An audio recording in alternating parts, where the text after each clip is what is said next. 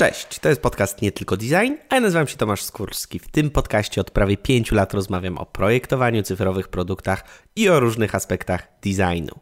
Dziś, w 29 odcinku, moim gościem jest Anna Dominika Kwiatkowska, UX-writerka, redaktorka, trenerka, osoba przez całe życie zawodowe związana z tekstami i słowami.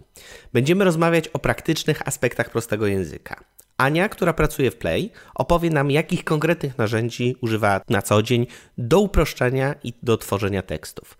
Porozmawiamy też o tym, jak powinna modelowo wyglądać współpraca pomiędzy UX-writerem i projektantem, a także czym jest porozumienie bez przemocy.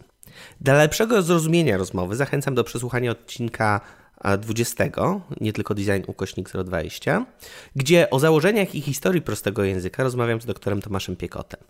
Tradycyjnie zapis całej naszej rozmowy oraz notatki do tego odcinka dostępne są pod adresem nietylko.design ukośnik 029. A teraz nie przedłużając, miłego słuchania. Cześć, to jest podcast Nie Tylko Design, a ja nazywam się Tomasz Skórski. Dziś moim gościem jest Anna Dominika Kwiatkowska. Dzień dobry. Aniu, kim jesteś i czym się zajmujesz? Jestem projektantką treści, czyli UX-writerką. Zajmuję się słowami, a dokładniej wyjaśnianiem, upraszczaniem, skracaniem często, czyli właściwie redakcją. Myślę, że to jest y, pewna ewolucja zawodu redaktora właściwie, to czym się zajmuję. I pracuję w Play, w zespole UX-owym. Oraz prowadzisz zajęcia na uczelni. I prowadzę zajęcia na uczelni, tak.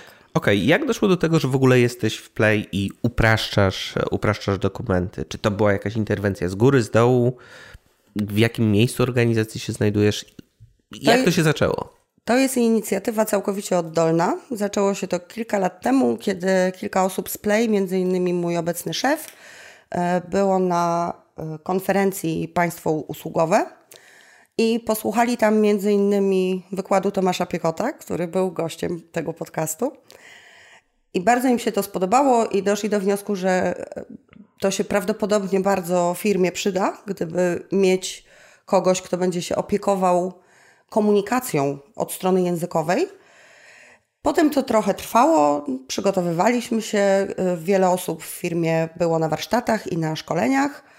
Mm, I dwa lata temu z kawałkiem mm, zorganizowali również miejsce w zespole UX-owym dla projektantki treści. Mhm. A czemu w zespole UX-owym? Zastanawialiśmy się, y, gdzie, to znaczy bardziej wtedy jeszcze mój szef się zastanawiał niż ja. Mm, ale rozmawialiśmy też o tym i z jednej strony wydawało nam się, że może obsługa klienta na przykład, mm, ale z drugiej doszliśmy do wniosku, że najlepszym miejscem dla takiej osoby będzie zespół, który współpracuje z całą organizacją, ze wszystkimi działami. I niezależnie od tego, w którym pionie, gdzie w strukturze jest ktoś, kto ma jakiś tekst, który chciałby, żeby był napisany lepiej, z każdego miejsca w firmie ludzie przychodzą i współpracują z działem UX-owym, więc to jest chyba najlepsze, co mogliśmy zrobić, bo w ten sposób ja również mogę pomagać wszystkim jednostkom w organizacji. A mimo, że o prostym języku faktycznie nagrałem już jeden odcinek, to czy mogłabyś słuchaczom, którzy nie słyszeli odcinka 20, e, przypomnieć, czym tak właściwie jest prosty język?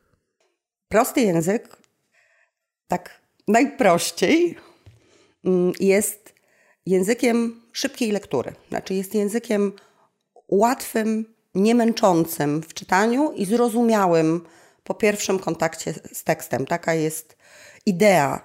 E, pracownia prostej płaszczyzny w swojej definicji, która zresztą bardzo mi się podoba, przypomina również, że jest to język klarownych intencji i prostej formy. Na co dzień, kiedy ktoś mnie pyta lub kiedy ktoś mnie mm, prosi o pomoc z jakimś tekstem, jedno z pierwszych pytań, które ja zadaję, to jest, co dokładnie chcesz powiedzieć. I staram się przygotować ten tekst tak, żeby on był jak najbardziej wprost o tym, co autor ma na myśli. Okej. Okay. A, a jaka jest różnica pomiędzy prostym językiem a językiem marketingu, językiem reklamy? Bo to jest chyba bardziej skomplikowane jest bardziej skomplikowane, ale mm, ma przede wszystkim różne funkcje. Myślę, że prosty język na świecie jest coraz bardziej popularny, między innymi dlatego, że bardzo wiele osób i organizacji posługuje się właśnie branżowym językiem marketingowym, który jest dość hermetyczny wbrew pozorom i wcale nie jest e, zrozumiały dla odbiorców.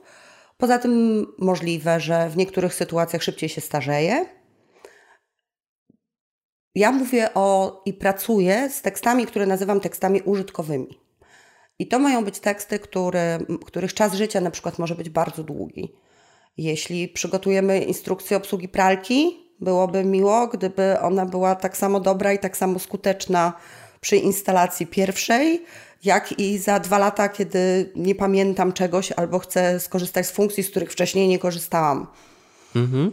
E, instrukcja obsługi pralki jest, jak rozumiem, typowym przykładem tekstu użytkowego.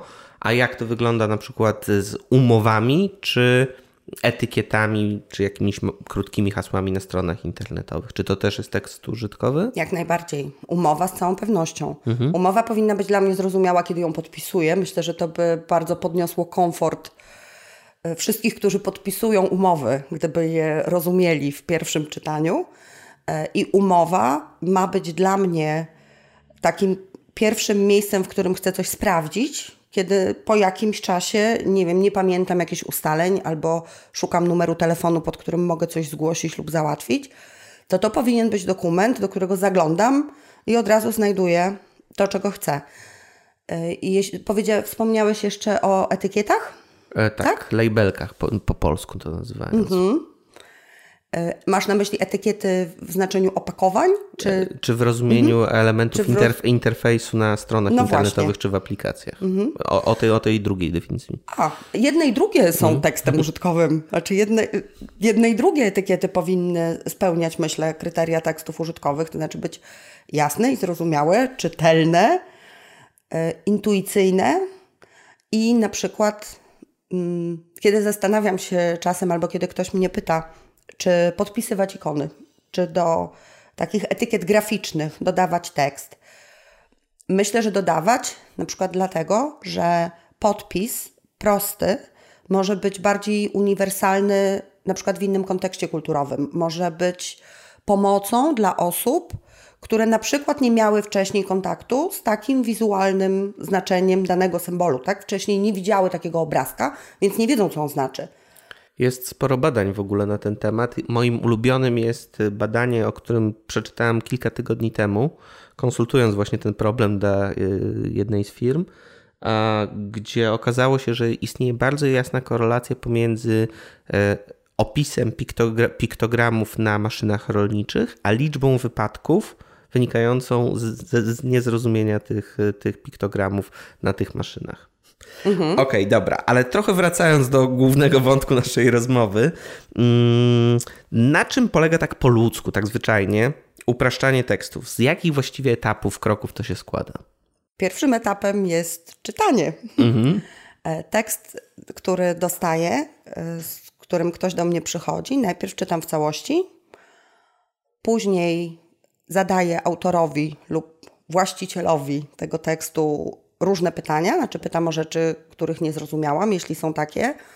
Mm, pytam również o intencje, o cel, co dokładnie w tym tekście chcemy powiedzieć i czy wszystko, co w nim jest, ma w nim zostać. Bo ja sama nic nie wyrzucam. Znaczy ja upraszczam formę bez straty treści. Przepisuję tekst jeden do jednego, przekazu- zostawiam w nim wszystkie informacje. Natomiast możliwe i zdarza się tak, że y, autor kiedy usłyszy takie pytanie, zdaje sobie sprawę z tego, że na przykład kilka informacji w tym konkretnym tekście nie jest potrzebnych, bo są już gdzie indziej, albo może są na trochę inny temat i nie są tutaj potrzebne.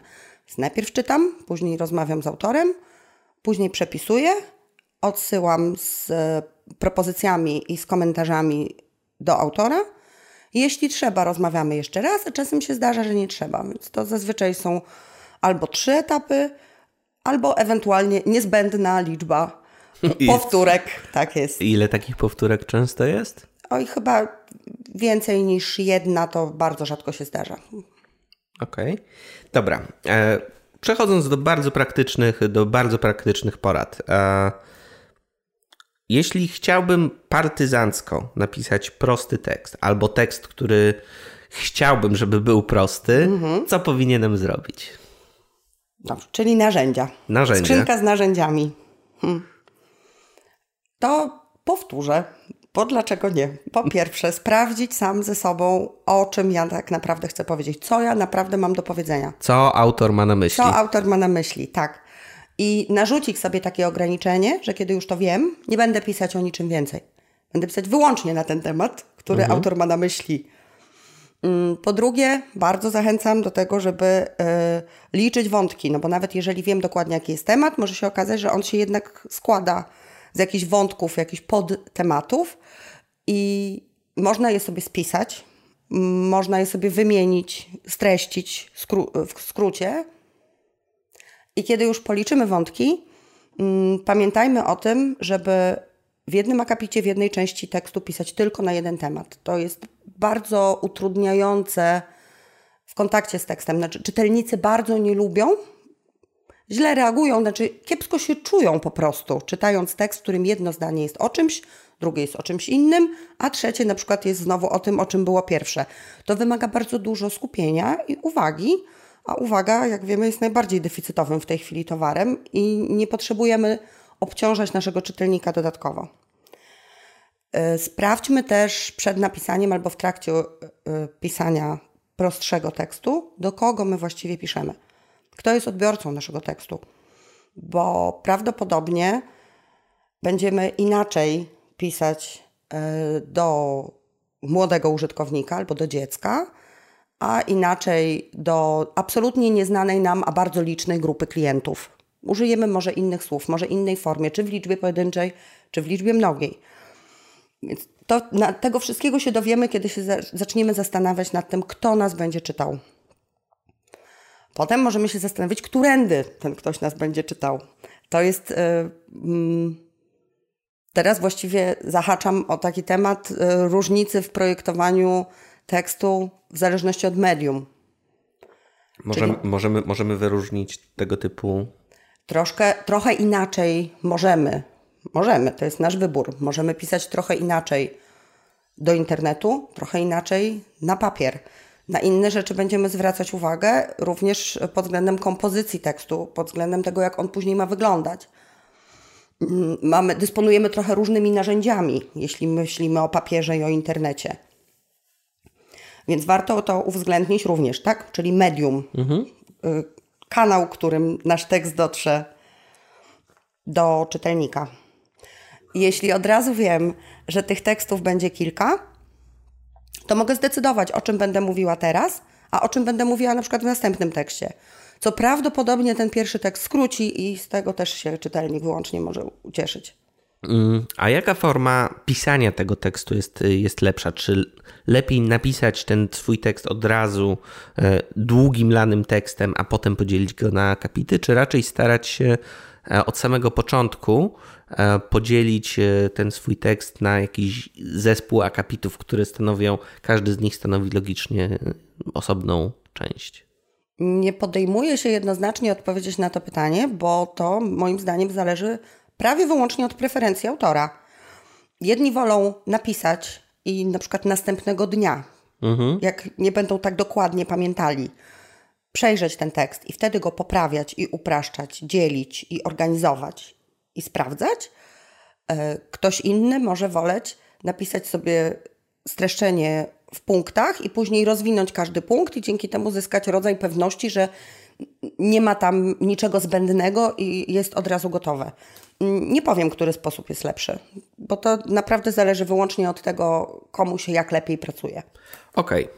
to są porady, jeśli chodzi o, jeśli chodzi o tworzenie tekstów od podstaw, czyli mhm. sens, liczenie wątków, E, adresat komunikatu, cel komunikatu, kanał, którym się porozumiewamy, a i czy jest to jedyny tekst, którego używamy, aby zakomunikować pewną rzecz. Czy powinniśmy się obawiać e, sytuacji, kiedy mm, ten tekst, który wytworzymy, po prostu jest go mało? Nie. Rozumiesz, tak przy, zwana pusta kartka, że. Tak, że... Przy, przy różnych okazjach słyszymy, że less is more i w przypadku tekstu myślę, że ta zasada jak najbardziej też ma zastosowanie. Mm, obawiać się możemy tego, że nie podaliśmy wszystkich informacji, które tu i teraz są czytelnikowi potrzebne. Mhm. Natomiast jeżeli podaliśmy wszystkie informacje i tekst jest nadal bardzo krótki, nie ma się czego bać. No dobra, to jest jedna sytuacja, kiedy tworzymy tekst od podstaw. Natomiast dużo częściej jako właściciele produktów, jako e, projektanci, jako badacze spotykamy się z tekstem, który już, ist, który już istnieje, który już funkcjonuje e, w, czy w internecie, czy w tak zwanym świecie offline. A w jaki sposób można upraszczać już istniejące teksty i dokumenty? Czyli drugie piętro skrzynki z narzędziami. Tak. Narzędzia gramatyczne. Mm, Jest kilka bardzo konkretnych e, rzeczy, które możemy z tekstem zrobić. I powiedziałam gramatyczne, i możliwe, że to jest przerażające. Dla mnie, dla mnie w pierwszym odruchu też było. Już widzę, jak w, w statystykach do tego odcinka po prostu, w, kiedy użyłaś słowa gramatyka, o 5% od razu spadła i liczba słuchaczy. Też się tego słowa przez chwilę bałam, ale tylko przez chwilę, bo to, że coś się nazywa gramatyką jeszcze na szczęście nie oznacza, że będzie straszne i trudne. I zazwyczaj nie jest. Pierwsze narzędzie to jest gilotyna. Tak ją ilustruję na niektórych prezentacjach. Do obcinania słów i do obcinania zdań. Używamy krótkich słów i krótkich zdań. Krótkich słów dlatego, że e, w polskim słowo, które ma cztery sylaby lub więcej, jest automatycznie kwalifikowane jako słowo trudne. A co z transgresją i snopowiązałką? Snopowiązałka jest dłuższa niż cztery sylaby i nie jest e, bardzo trudnym słowem, bo z jego konstrukcji słowa wynika jego znaczenie. Możemy nie wiedzieć, jak to wygląda, ale wiemy, co robi snopowiązałka. Z transgresją jest gorzej, znaczy, mimo że mniej niż cztery sylaby, ale to zdecydowanie jest słowo trudne, czyli takie, którego zrozumienie wymaga od czytelnika konkretnego kontekstu, konkretnego przygotowania lub wykształcenia. Może być słowo krótkie, ale specjalistyczne. Jeżeli nie będę się znała na danej dziedzinie, nie zrozumiem, potrzebuję sięgać do słownika. I jeżeli do swojego tekstu wpakuję dużo trudnych terminów, to bardzo podnoszę ryzyko tego, że czytelnik się zmęczy, zniechęci i nie będzie mi chciał poświęcić tyle uwagi, które, ile ja od niego wymagam. A używając bardziej takich y, przyziemnych przykładów, y, jakie słowa możemy zamienić na przykład na, na jakie? Co ci przychodzi tak na szybko do głowy? Zamiast skomplikowany możemy powiedzieć trudny. Mhm. Zamiast dyskomfortowy możemy powiedzieć niewygodny. Mhm. W tym drugim przypadku oba są dość długie, ale myślę, że rozumiesz, co mam, co mam na myśli. Niewygodny jest dużo bardziej powszechny, jest częściej stosowany. Jeśli chcemy i jeśli w ogóle odkryjemy w sobie pasję do upraszczania i tropienia różnych rzeczy, możemy też sprawdzić, które z dwóch słów albo trzech, które nam się wydają znaczeniowo podobne, jest najczęściej używane, bo to też podnosi nasze szanse, znaczy podnosi szanse naszego tekstu na to, że będzie zrozumiały. A jak możemy sprawdzić, czy dane słowo jest y, często używane? W Narodowym Korpusie Języka Polskiego. No, odnośniki do korpusu języka polskiego znajdą się w notatkach do tego Możemy odcinka. sprawdzić w korpusie, które z tych słów jest używane częściej, które częściej się pojawia. Możemy też skorzystać e, z najprostszego e, narzędzia do porównywania tego, jak często słowo lub zdanie lub fraza gdzieś występuje, po prostu wrzucić je w Google i zobaczyć, ile będzie wyników. E, Okej, a gdybyś miała tak jeszcze wyjaśnić e, e, mi i naszym słuchaczom, czym jest tak naprawdę korpus języka polskiego? Korpus jest bardzo dużym zbiorem tekstów napisanych po polsku. Bardzo różnych tekstów. Pism, gazet, książek, przeróżnych. Właściwie można powiedzieć, że z pewnego wycinka czasu do korpusu mnóstwo osób mrówczą pracą przeniosło prawie wszystko. Kontrybuowało, tak? Jak to się O, ładnie piękne nazywa. słowo. Do zastąpienia, jeśli chcesz pisać prosto, ale bardzo ładne. E, Okej, czyli zamieniamy słowa i używamy gilotyny, żeby zmienić słowa z trudnych Długich i trudnych na prostsze lub częściej występujące w języku. Drugie zastosowanie gilotyny to obcinanie zbyt długich zdań. Nasze oko i nasza uwaga męczy się w okolicach 20 słowa. Słowem jest wszystko, włącznie ze spójnikami. Wszystko liczymy jako słowo. Więc między dużą literą a kropką powinno być maksymalnie 20 słów. Jeśli jest więcej, tekst od razu robi się trudniejszy. Powinienem to zastosować do moich pytań w podcaście. Może być też, że dobrze by było, gdybym ja się zastosowała do własnych rad, kiedy udzielam odpowiedzi. Zdaję sobie sprawę z tego, że mówię dygresyjnie i że zdania wielokrotnie złożone zdarzają mi się również w mowie, nie tylko na papierze. Na papierze zdarzają mi się też. Czyli złota zasada do 20 słów. Do 20, tak. Narzędzie kolejne. Właściwie zastanawiam się, skoro poprzednio powiedziałam o gilotynie, to teraz e, nie wiem co, coś, coś w rodzaju nie wiem, albo procy, albo armaty, w każdym razie coś, czy, do czego można zapakować niektóre słowa i po prostu wystrzelić je i zapomnieć, że w ogóle istniały. E, I można te słowa nazwać watą słowną, można je nazwać urzędyzmami, można je nazwać bardzo różnie. Nie chodzi o to, jak je nazwiemy, tylko mm, chodzi o to, co one nam robią. Takie zwroty, które kojarzymy na przykład z pism urzędowych albo z, z korespondencji, którą nam wysyłają niektóre instytucje, to są takie sło słowa, z którymi kontakt sprawia, że od razu po przeczytaniu pierwszego zdania czujemy się trochę głupsi i trochę smutniejsi. Na przykład? Na przykład e, jednocześnie nadmieniam iż, albo niniejszym informujemy, że. To są takie słowa, które podnoszą autora. Zastanawiałam się kiedyś, czemu służy słowo niniejszym, bo ono właściwie nie niesie żadnej treści. Mm, I wspólnie e, z grupą na warsztatach doszliśmy do wniosku, że to jest po prostu schodek. Że jak mówię niniejszym, to ja staję o stopień wyżej. Nie potrzebuję tego robić. Nie jesteśmy najczęściej, nie jesteśmy urzędem, a nawet jeśli jesteśmy urzędem, to nie widzę powodu, żeby się odsuwać. I wszystkie takie w przedmiotowej sprawie, to jest w ogóle bardzo lubię takie nawiązanie, że coś tam, coś tam, o czymś zawiadamiamy o możliwości zapoznania się z materiałami zgromadzonymi w przedmiotowej sprawie. A co to znaczy? Trudno orzec. Znaczy, moim zdaniem to znaczy ustaliliśmy, że. Ile? I najlepiej by było z punktu widzenia prostego języka, gdyby nagłówek brzmiał ustaliliśmy, że dwukropek i później w punktach wderzyło się to, tamto, potrzebujemy jakiegoś papierka, proszę przyjść pojutrze do biura, coś tam, coś tam, dziękujemy. I już. I jeżeli ja piszę w swoim tekście, że coś się wydarzyło albo czegoś się dowiedziałam w przedmiotowej sprawie, to, to ja mam kłopot, bo cały mój tekst powinien być na temat. Więc dlaczego ja dopiero w którymś zdaniu mówię, że coś jest w przedmiotowej sprawie? W odróżnieniu od czego? Od tego, co było w bezprzedmiotowej sprawie? Bez sensu. Czyli ten schodek to jest taki trochę majestat, tak? tak. Który, o którym też rozmawialiśmy z Tomkiem Piekotem odnośnie tej urzędniczej trochę postawy mhm. i tych y, kultury wynikającej z zaboru. Jedna z obaw, y, bo zdarzają się oczywiście i obawy przy upraszczaniu języka i zdarzają się słuchacze zaniepokojeni, na przykład tym, że jeśli będziemy mówić prosto, stracimy autorytet. Majestat nam zginie. No więc właśnie ten majestat, który budujemy urzędowymi schodkami. Ja tę obawę rozumiem i empatyzuję z nią. Nikt nie chce, żeby jego firma brzmiała niepoważnie.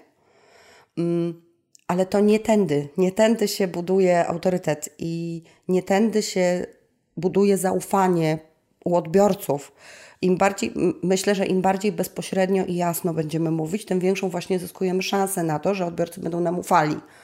Dlatego, że naszpikowanie tekstu takimi urzędyzmami sprawia, że owszem, my się czujemy tak jak petent, czyli czujemy się gorsi, ale ja, ja nie nabieram zaufania, ja mogę nabrać takiego lękliwego szacunku, bo autorytet.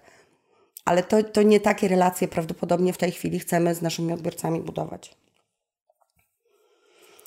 Dobrze, może wystarczy tych urzędyzmów, które są straszne. Możemy też z tekstu wyeliminować zwroty w stronie biernej.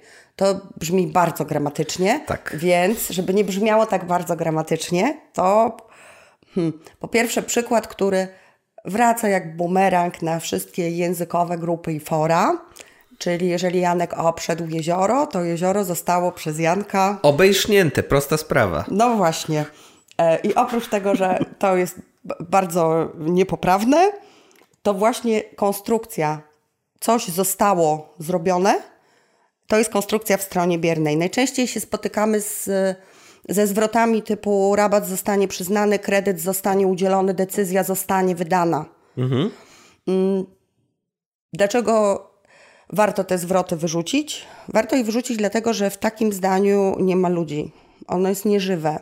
Jeżeli decyzja zostanie wydana, to ani nie wiadomo przez kogo, ani nie wiadomo komu. Właściwie, gdyby się zastanowić nad takim bezpośrednim, intuicyjnym znaczeniem słowa wydać, to wydać córkę za mąż. Kiedy e, rozmawialiśmy o tym, o, o, tego typu zdaniach przed odcinkiem jeszcze, zastanawiałem się skąd tak naprawdę, z czego to może tak naprawdę wynikać. I moja refleksja jest taka, z niechęci do brania odpowiedzialności za e, tego typu decyzje, za tego typu hmm. ruchy i działania. To możliwe. Na pewno w niektórych sytuacjach to kre, będzie kre, prawdziwe. Kredyt został tak. udzielony, decyzja została wydana. Mhm. Ale myślę też, że hmm, nie chciałabym, żeby to zabrzmiało, jakbyśmy nie lubili autorów i zakładali, że oni się chowają albo wstydzą tego, co robią. Mm, myślę, że podob, równie prawdopodobne, równie prawdopodobnym powodem jest nawyk, który mamy. Jest taka y, zasada powtarzalności, znaczy wystarczająco wiele razy to usłyszeliśmy i przeczytaliśmy, że to przestało zwracać naszą uwagę. I zaczynamy sami tak mówić. Wydaje nam się, że tak się mówi, tak? Zawsze tak było. E, więc nie, nie do końca. Natomiast za stroną bierną można się schować, kiedy jest to nam potrzebne, kiedy na przykład jest nam zakładamy z góry, że odbiorcy będzie przykro albo będzie niezadowolony, to możemy spróbować się schować. Czyli strona bierna, staramy się nie stosować, tak staramy się nie pisać, decyzja została wydana, tylko... Wydaliśmy decyzję albo wręcz zdecydowałem, Wydałem. że... Mhm. E, kolejną rzeczą, którą możemy wyrzucić z tekstu, a przy okazji przestraszyć kogoś gramatycznym terminem, e, są imię słowy. O Jezu, jeszcze gorzej. No właśnie, robi się coraz gorzej. To podobnie jak ze stroną bierną. Tam mieliśmy Janka i jezioro. E, imię słów możemy poznać po jednym z najczęstszych błędów, który myślę wiele osób widziało, głównie jako błąd, podany konkretnie jako błąd, czy takie słynne zdanie, idąc do pracy padał deszcz. Idąc to jest imię słów e, i Jednym z powodów, dla których ja bardzo zachęcam do wyrzucania imiesłowów, jest to, że w zdaniu z imiesłowem naprawdę łatwo zrobić błąd. Bo to słowo jest y, dziwne. Rzadko używamy imiesłowów y, w rozmowach. Rzadko używamy imiesłowów, kiedy piszemy do kogoś na komunikatorze. Y, konstrukcje z imiesłowami ogólnie są dość skomplikowane i łatwo nie wiem, postawić przecinek gdzieś w jakimś miejscu z choinki i potem się okazuje, że sens jest w ogóle nie taki E, oraz imię słowy są również takimi słowami dość urzędowymi i poważnymi i zazwyczaj nie ma powodu.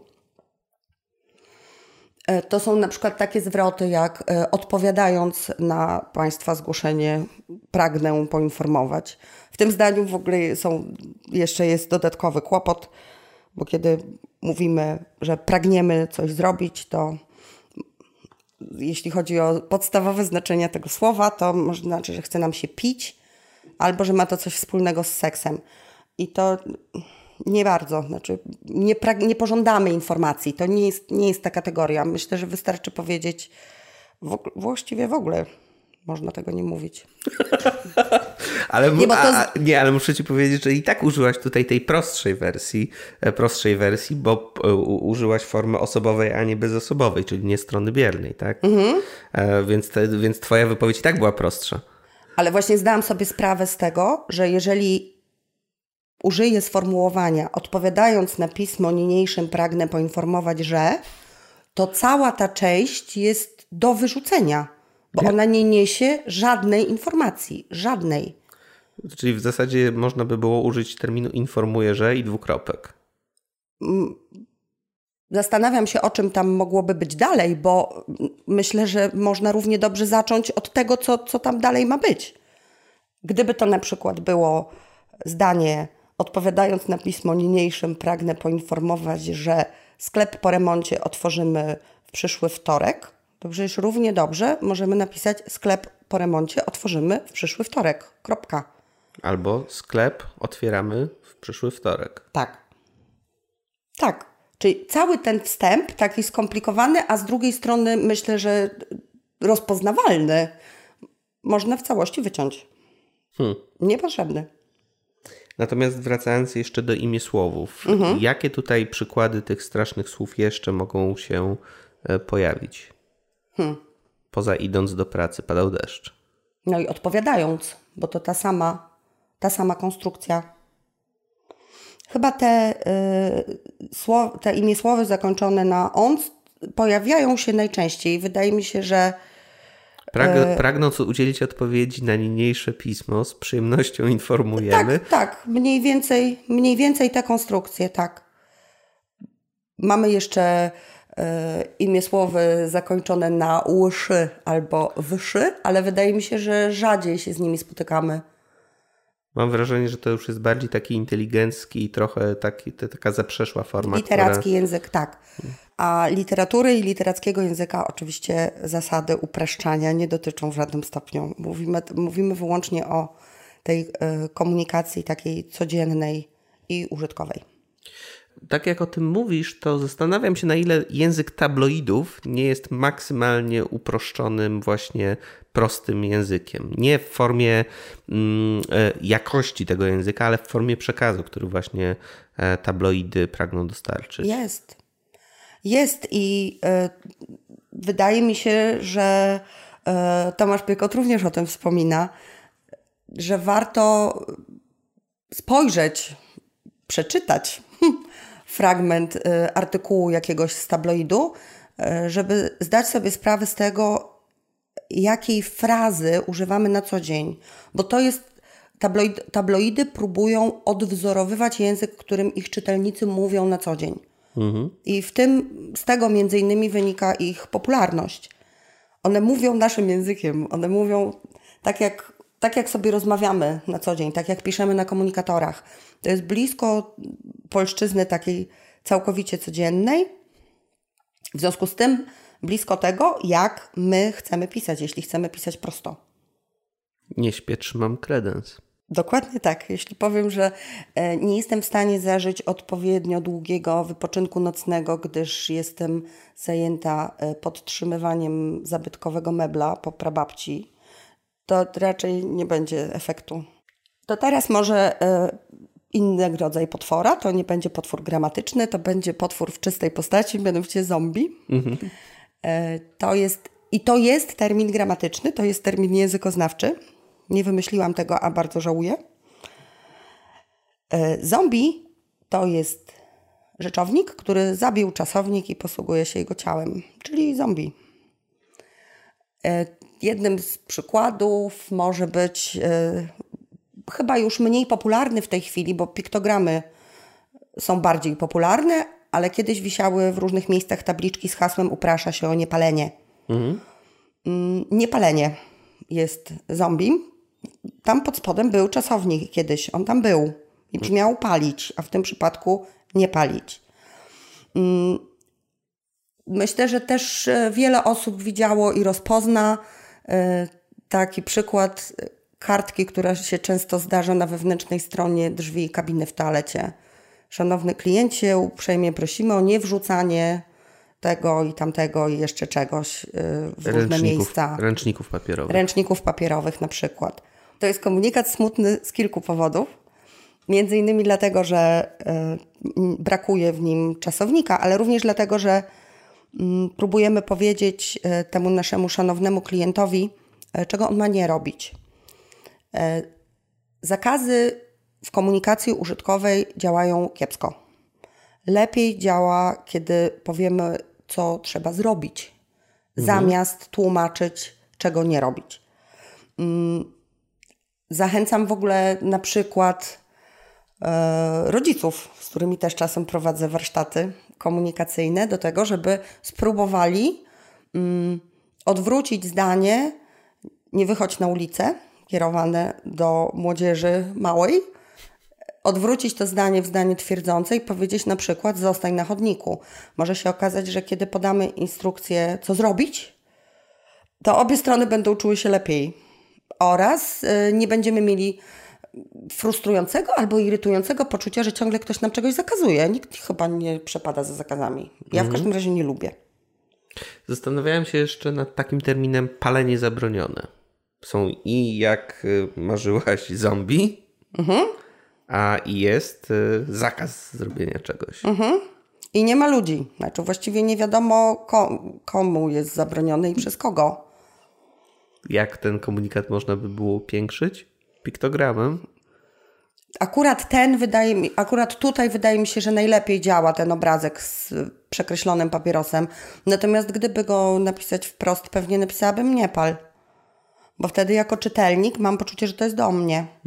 I to jest zresztą ostatnia rzecz, o której chciałam w, e, wspomnieć i tym razem nie jest o wyrzucaniu, tylko wręcz przeciwnie, o zapraszaniu. Mm, Dobrze, kiedy w tekście są ludzie, kiedy wiadomo, kto pisze i kiedy wiadomo, do kogo pisze. Tak jak właśnie z tym niepaleniem i z hasłem niepal. Jeśli przeczytam niepal, jestem świadoma, rozumiem intuicyjnie, że to jest do mnie. Jeśli przeczytam niepalenie, to właściwie nie wiem, czyje niepalenie, o czyje niepalenie chodzi. Mogę na przykład napisać bezosobowo, że niezajęcie stanowiska będzie równoznaczne ze zgodą. I jak się bardzo porządnie zastanowię, to ja zrozumiem o co chodzi w tym zdaniu i w ogóle nie upraszczamy dlatego, że ludzie nie rozumieją i nie upraszczamy dlatego, że ludzie są głupi. Upraszczać chcemy dlatego, żeby tekst był klarowny i lekki i żeby po prostu odbiorcy nie męczył. No to zdanie męczy, chyba nawet ciebie zmęczyło. Tak, zastanawiałem się nad nim, bo robimy drugie podejście do tego, do tego zdania i już, już wiem, co to znaczy. Tak? Jeśli nic nie zrobię, to się zgadzam. Tak. Tak, to dokładnie to znaczy. Ale zajęło mi trzy minuty, żeby to przeprocesować. Dodatkowym efektem takiego zdania, tak sformułowanego, może być to, że y, ludzie nie odpowiedzą. No i teraz pytanie, jeżeli. No ale rozmawiamy o intencjach i zakładamy, że mamy dobre intencje i że chcemy się porozumiewać z ludźmi. Jeśli chcę, żeby ktoś mnie nie zrozumiał, no to oczywiście mogę się bardzo postarać i może nawet ten efekt osiągnę, ale to, to nie jest temat naszej rozmowy. E, To zdanie mogłoby na przykład brzmieć: powiedz nam, co myślisz, do i tu data. Jeśli nie, uznamy, że się zgadzasz. Słuchaj, a co z takimi ciągle nadużywanymi słowami? Generalnie, zasadniczo, e, w rzeczy samej. Naprawdę, tak naprawdę. Mhm. Myślę, że to też jest wata zazwyczaj. Znaczy, to są wypełniacze. Czyli out. Najlepiej tak. Trzeci praktyczny obszar. A jak badać, jak mierzyć proste teksty? Znaczy, jak sprawdzić, czy to, co zrobiliśmy, Ma sens. ma sens i rzeczywiście jest, lepiej. wygodniejsze dla odbiorców. E, Zastanawialiśmy się nad tym po uproszczeniu umowy w Play. Chcieliśmy sprawdzić, czy to rzeczywiście będzie bardziej użyteczny dokument.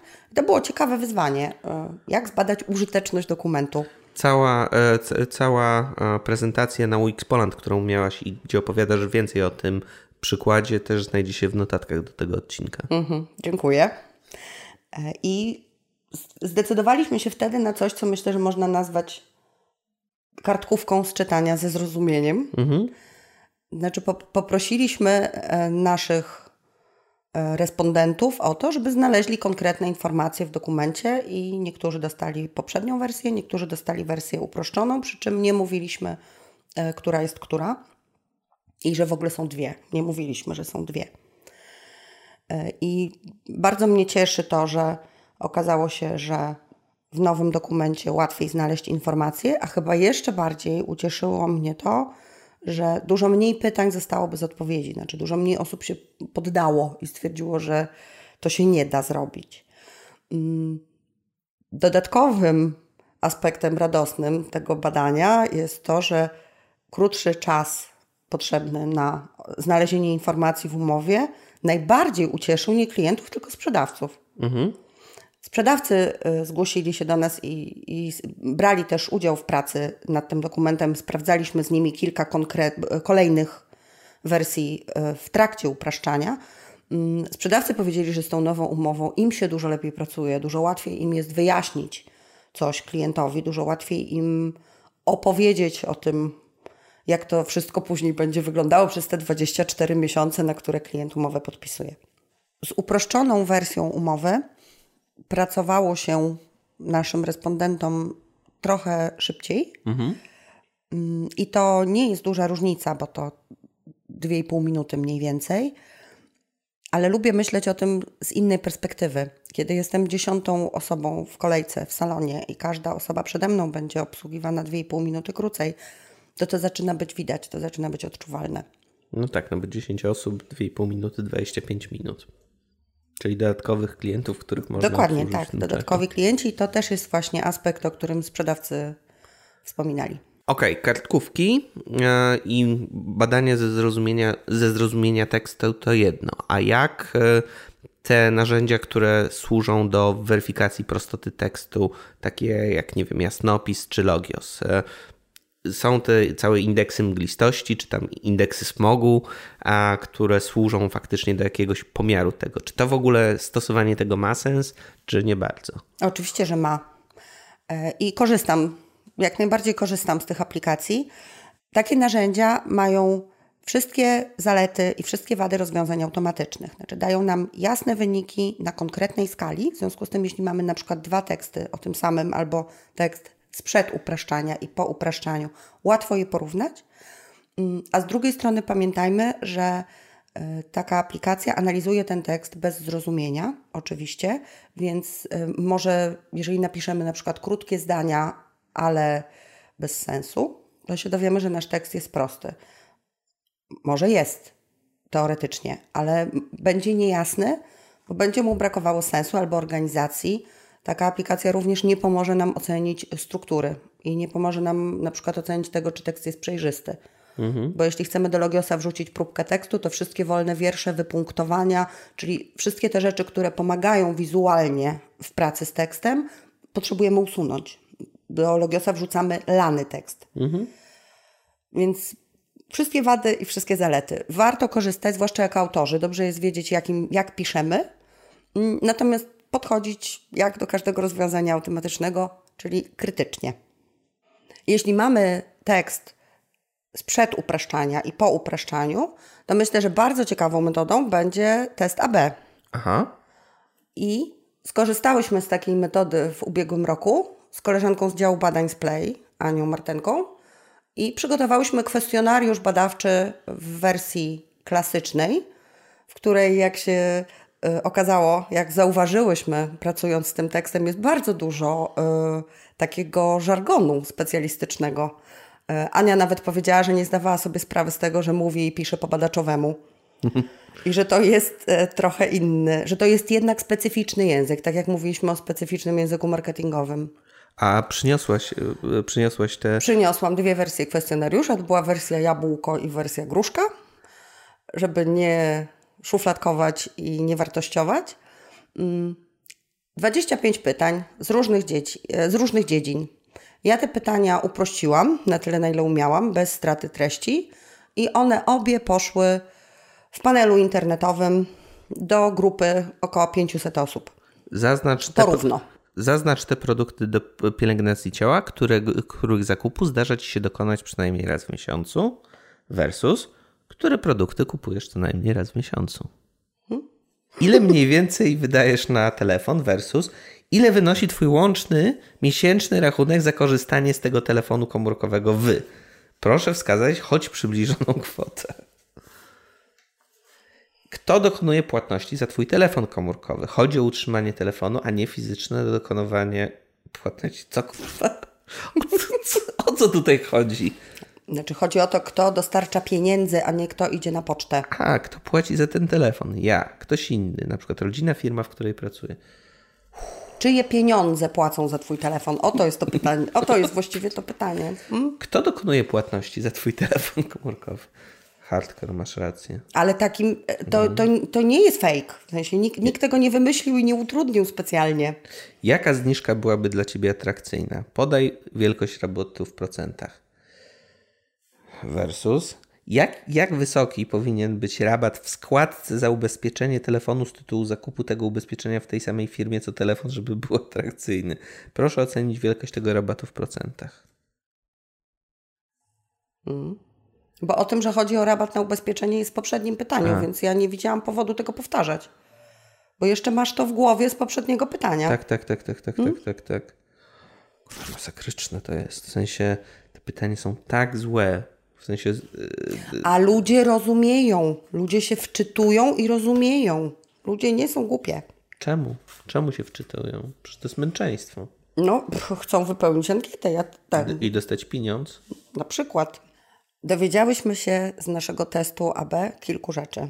Przede wszystkim tego, że użytkownicy rozumieją i rozumieją wszystko, co bardzo mnie cieszy, bo popiera moją tezę, że to nie dlatego upraszczamy, że ludzie nie zrozumieją.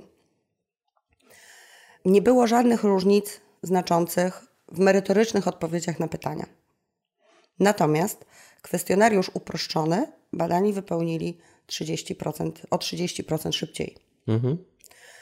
E, dodatkowo, co myślę, że ucieszyłoby każdego, kto robi badania, był o połowę niższy dropout, tak zwany, czyli o połowę mniej osób poddało się i zamknęło okno przeglądarki przed wypełnieniem całej ankiety.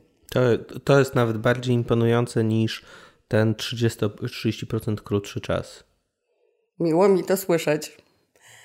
E, I taka kolejna bardzo cenna dla nas informacja wynikła już z pytania, które padło po zakończeniu całego kwestionariusza. Mianowicie zapytałyśmy użytkowników, czy wypełnianie tej ankiety było przyjemne.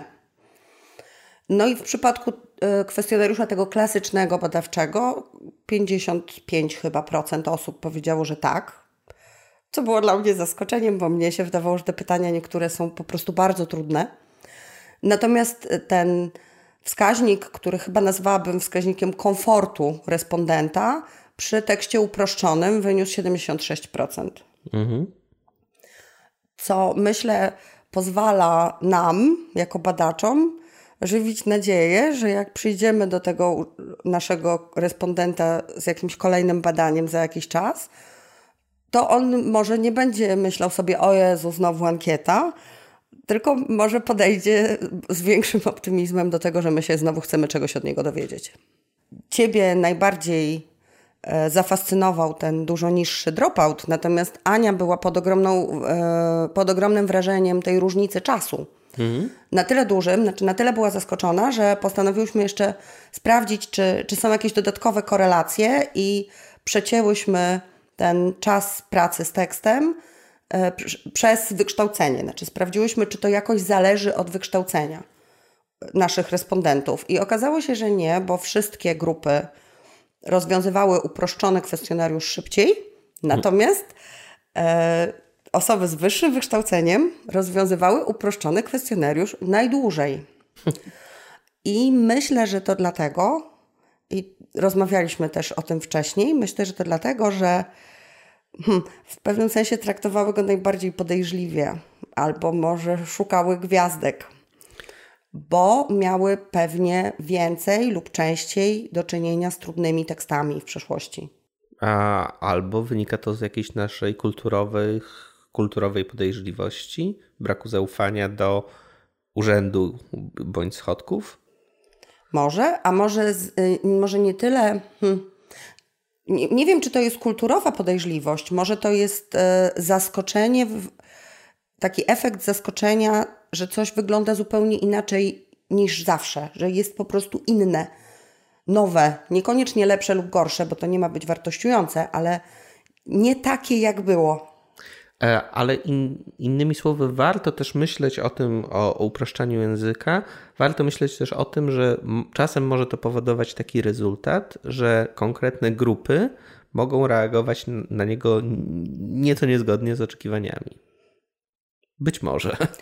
Myślę, że warto pamiętać o tym, że to jest zmiana, znaczy, że zmieniając sposób komunikacji, zmieniamy bardzo dużo i że nie dla wszystkich ta zmiana jest e, przyjemna. Przecież nawet, je, nawet jeżeli się zgadzamy, jesteśmy przekonani, że to jest zmiana na lepsze, to to nadal jest zmiana, w związku z tym to nadal jest stres.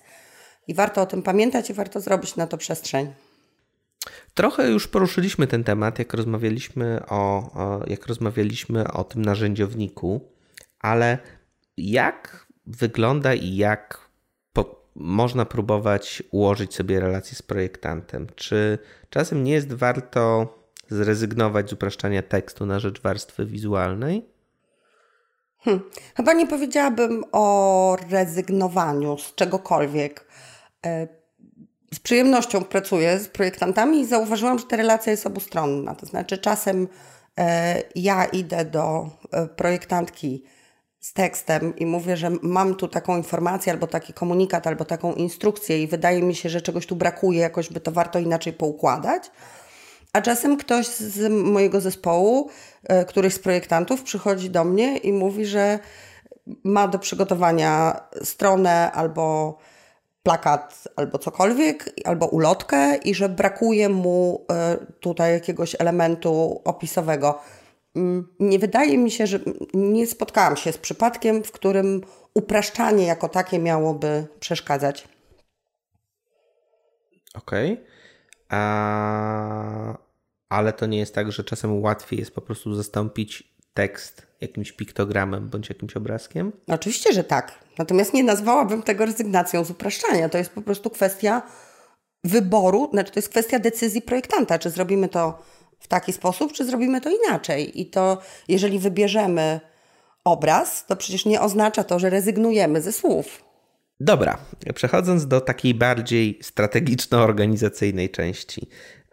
Tak jak wspomniałaś na początku naszej rozmowy, pracujesz w Play już od chyba trzech lat, jesteś e, częścią zespołu User Experience. Mm, jak to jest e, z współpracą z tymi innymi działami? Kto się najczęściej do ciebie zwraca z prośbą o pomoc? Z kim współpracujesz najczęściej?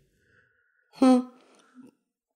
Bardzo ciekawe pytanie i bardzo trudne statystycznie, bo potrzebowałabym to policzyć.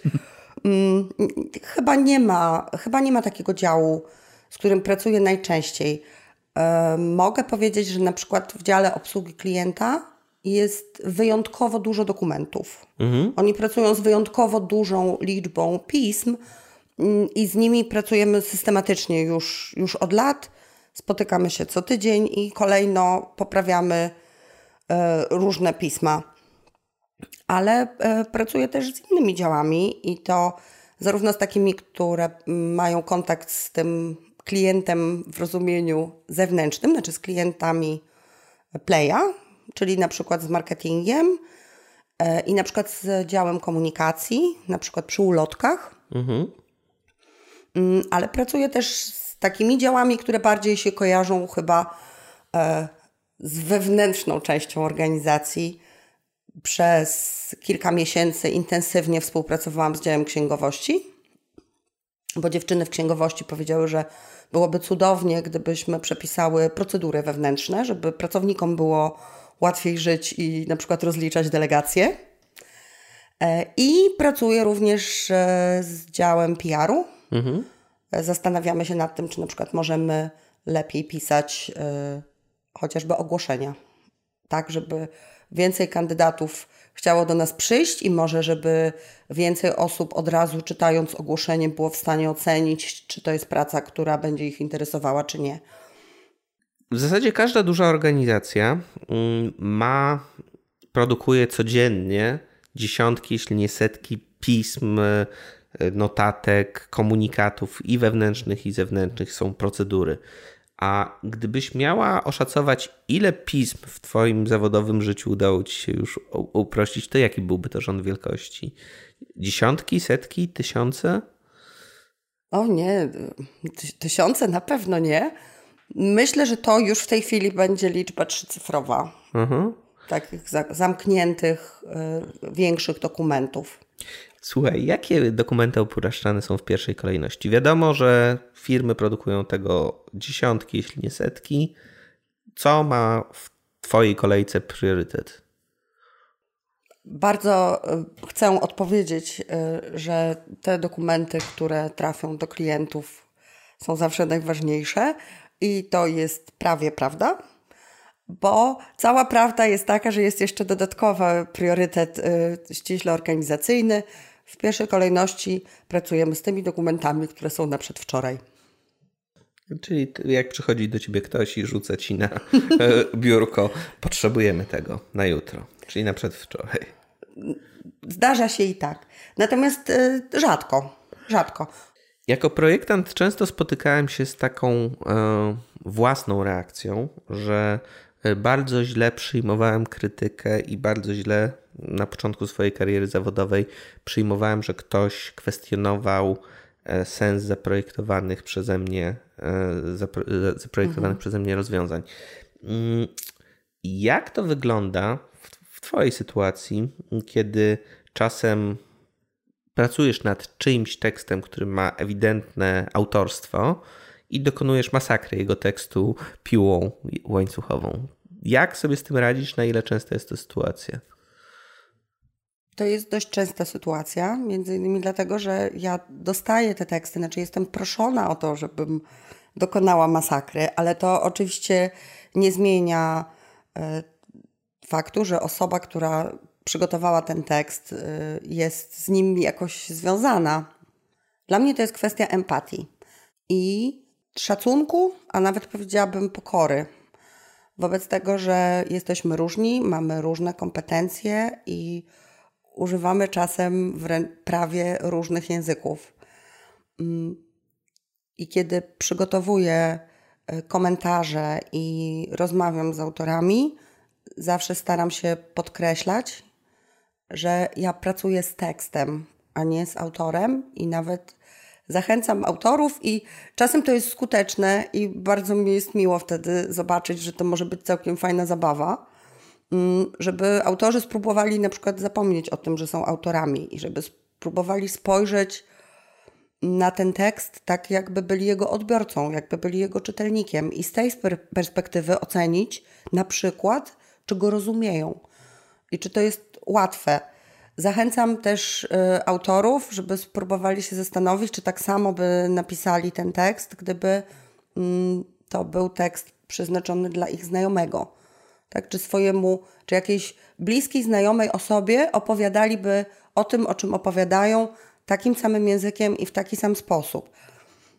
Staram się y, te relacje z autorami mm, prowadzić tak, żeby to były moje relacje z autorami, a nie moja krytyka autorów, bo nie krytykuję autorów. Ja pracuję wyłącznie ze słowami. W związku z tym, jeśli, jeśli coś masakruje, tak jak powiedziałeś, mm, to masakruje tekst. Natomiast dla autorów, a to wydaje mi się, że wydaje mi się, że to jest jedna z ważnych kompetencji wszystkich projektantów. Mm, dla autorów i dla użytkowników moich słów. Mam przede wszystkim dużo empatii i dużo pokory dla ich punktu widzenia. A, a powiedz mi, a to jest, le, to jest lekko kontrowersyjne pytanie. Mm, jak często zdarza ci się, że patrzysz na tekst, który został stworzony w twojej firmie i chce ci się płakać? hmm. Nie potrafię powiedzieć jak często, bo nie prowadziłam statystyk. Ale zdarza ci Natomiast, się? Oczywiście, że się zdarza. Powiem więcej.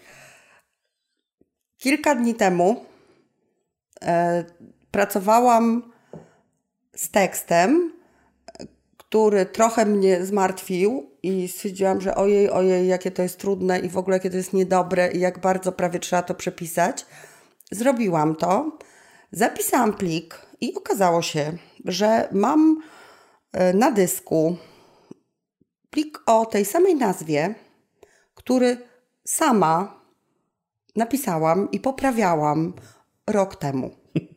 To, że gdzieś w organizacji powstaje tekst, który jest na przykład zbyt urzędowy, to jest nic. Ja sama po sobie poprawiam. I to jest dopiero problem. to jest niekończąca się historia. Czyli tak naprawdę to piękne słowo zapychacz Czyli nigdy nie zabraknie ci pracy? Tak, ja również wybieram ten optymistyczny sposób patrzenia na to zjawisko. Okej. Okay, sam termin UX Writing jest terminem dość młodym. Ty mm, na samym początku naszej rozmowy użyłaś też e, terminu redaktora, mhm. a Mamy też e, ten termin prosty język, który tam w okolicach 2000 roku się pojawił jakoś tak ze zdwojoną siłą po raz kolejny, jako plain language. Mm.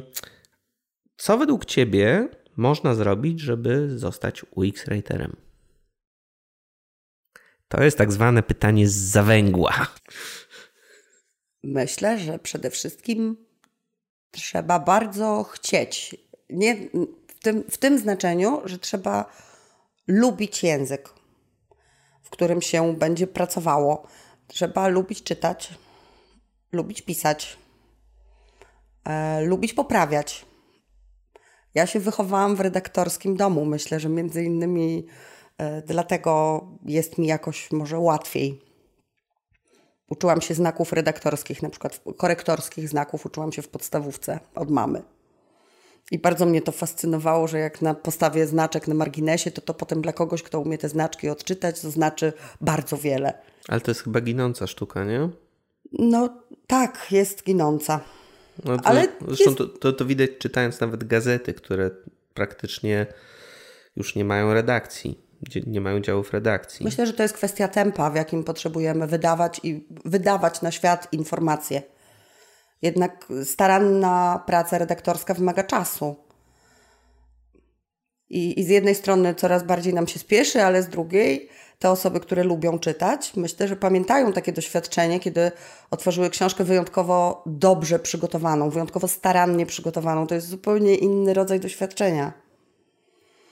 Więc dobrze, czyli mamy pasję i chęć i zamiłowanie do języka.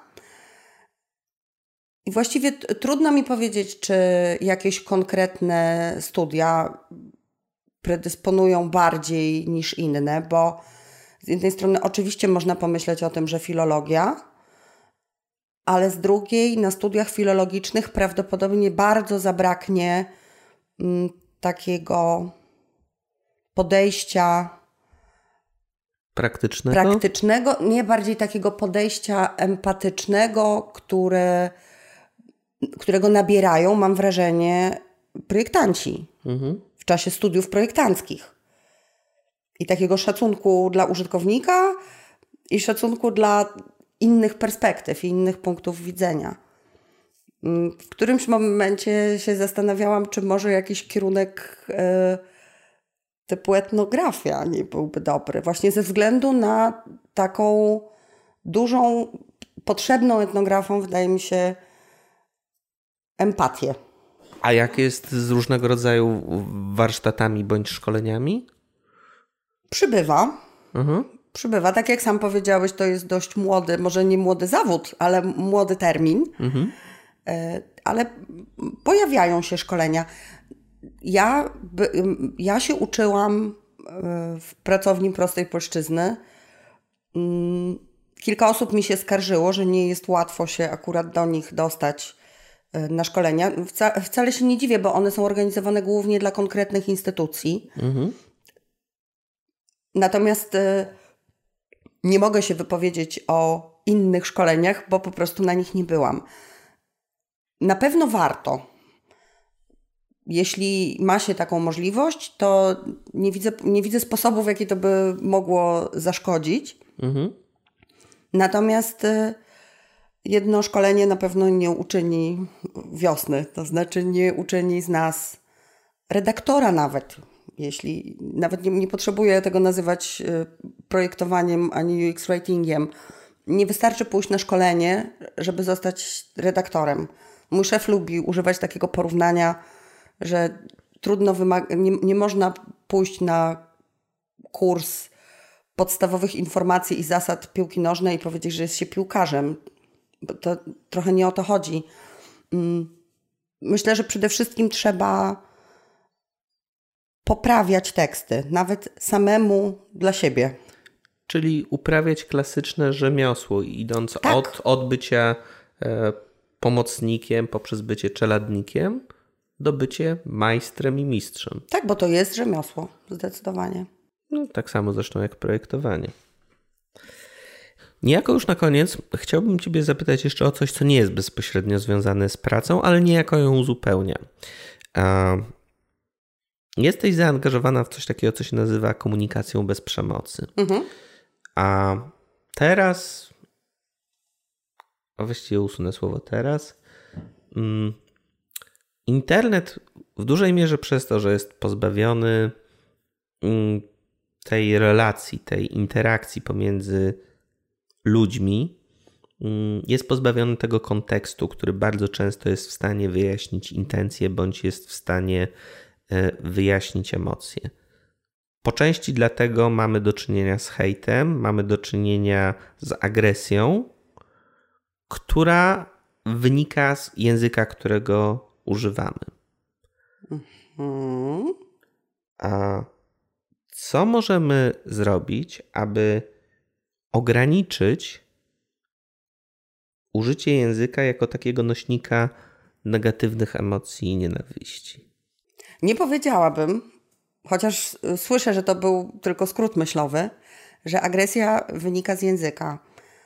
E, agresja, myślę, może wynikać wyłącznie z intencji, mm, a język sam w sobie nie niesie chyba negatywnych emocji i nie niesie przemocowości, bo jest narzędziem. To tak samo jak młotek. Mogę użyć młotka do wielu rzeczy i niektóre będą agresywne, ale to nie jest wina młotka, to jest kwestia moich intencji.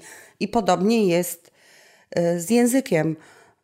Bardzo możliwe, że w internecie jest łatwiej y, kogoś obrażać przez to, że jesteśmy anonimowi i przez to, że znosi ten nasz internet dużo więcej nawet niż papier, który podobno znosi wszystko.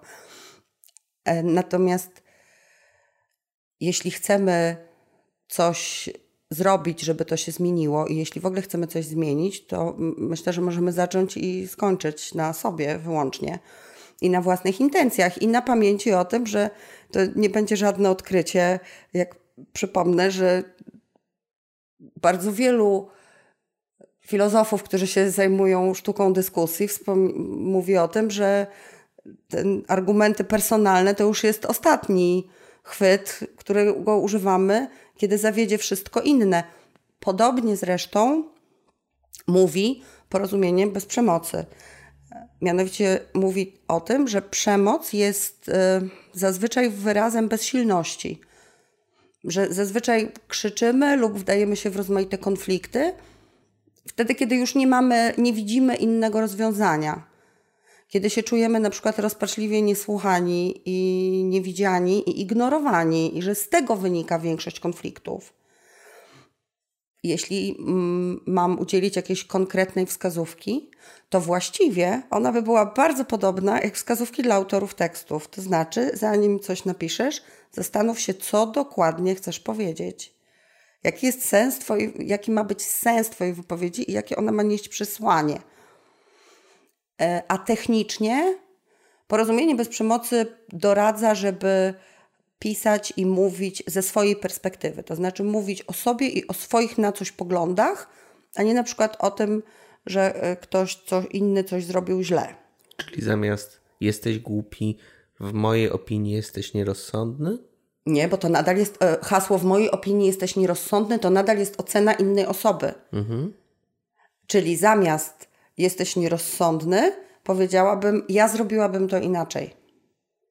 Całkowicie przenieść ciężar, ciężar tej wypowiedzi na siebie i na to, jakie poglądy chce się zaprezentować, i przestać zrezygnować w ogóle naj, najlepiej całkiem zrezygnować z mówienia o tym, jaki jest ktoś lub jaki jest coś.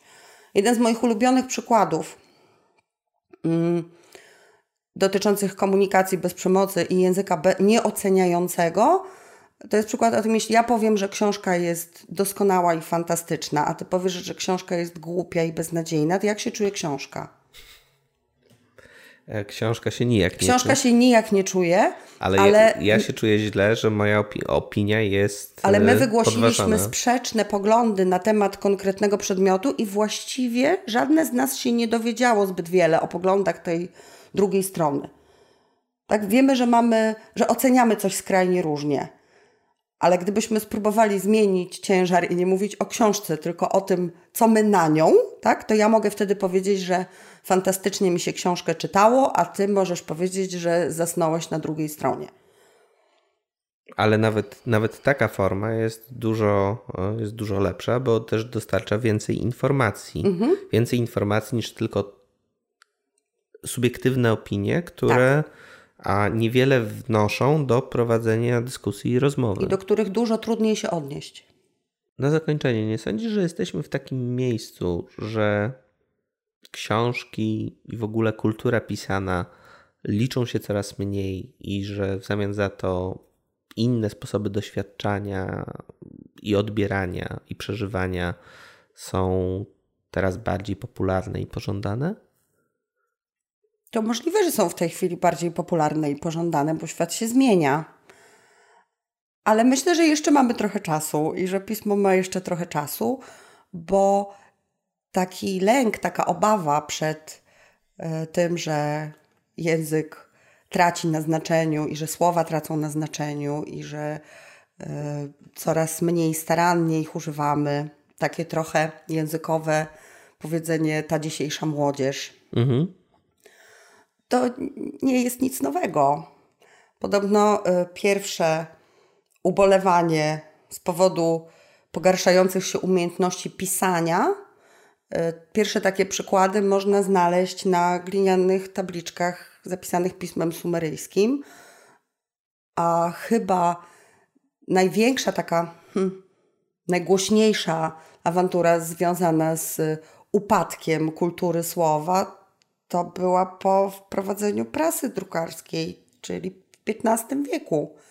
Więc skoro od tak dawna narzekamy, że słowo upada, to może, może poupada jeszcze trochę. Może, może mamy jeszcze trochę czasu. A reasumując, to znaczy, że koniec jest blisko co najmniej pół tysiąca lat. Dokładnie tak. Myślę, że to doskonała puenta naszej rozmowy. Dziś moim gościem była Anna Dominika Kwiatkowska. Dziękuję bardzo. Dzięki Ania. I to już wszystko na dzisiaj. Zapis całej rozmowy oraz notatki do tego odcinka tradycyjnie dostępne są pod adresem nietylko.design ukośnik 029. Do usłyszenia niebawem.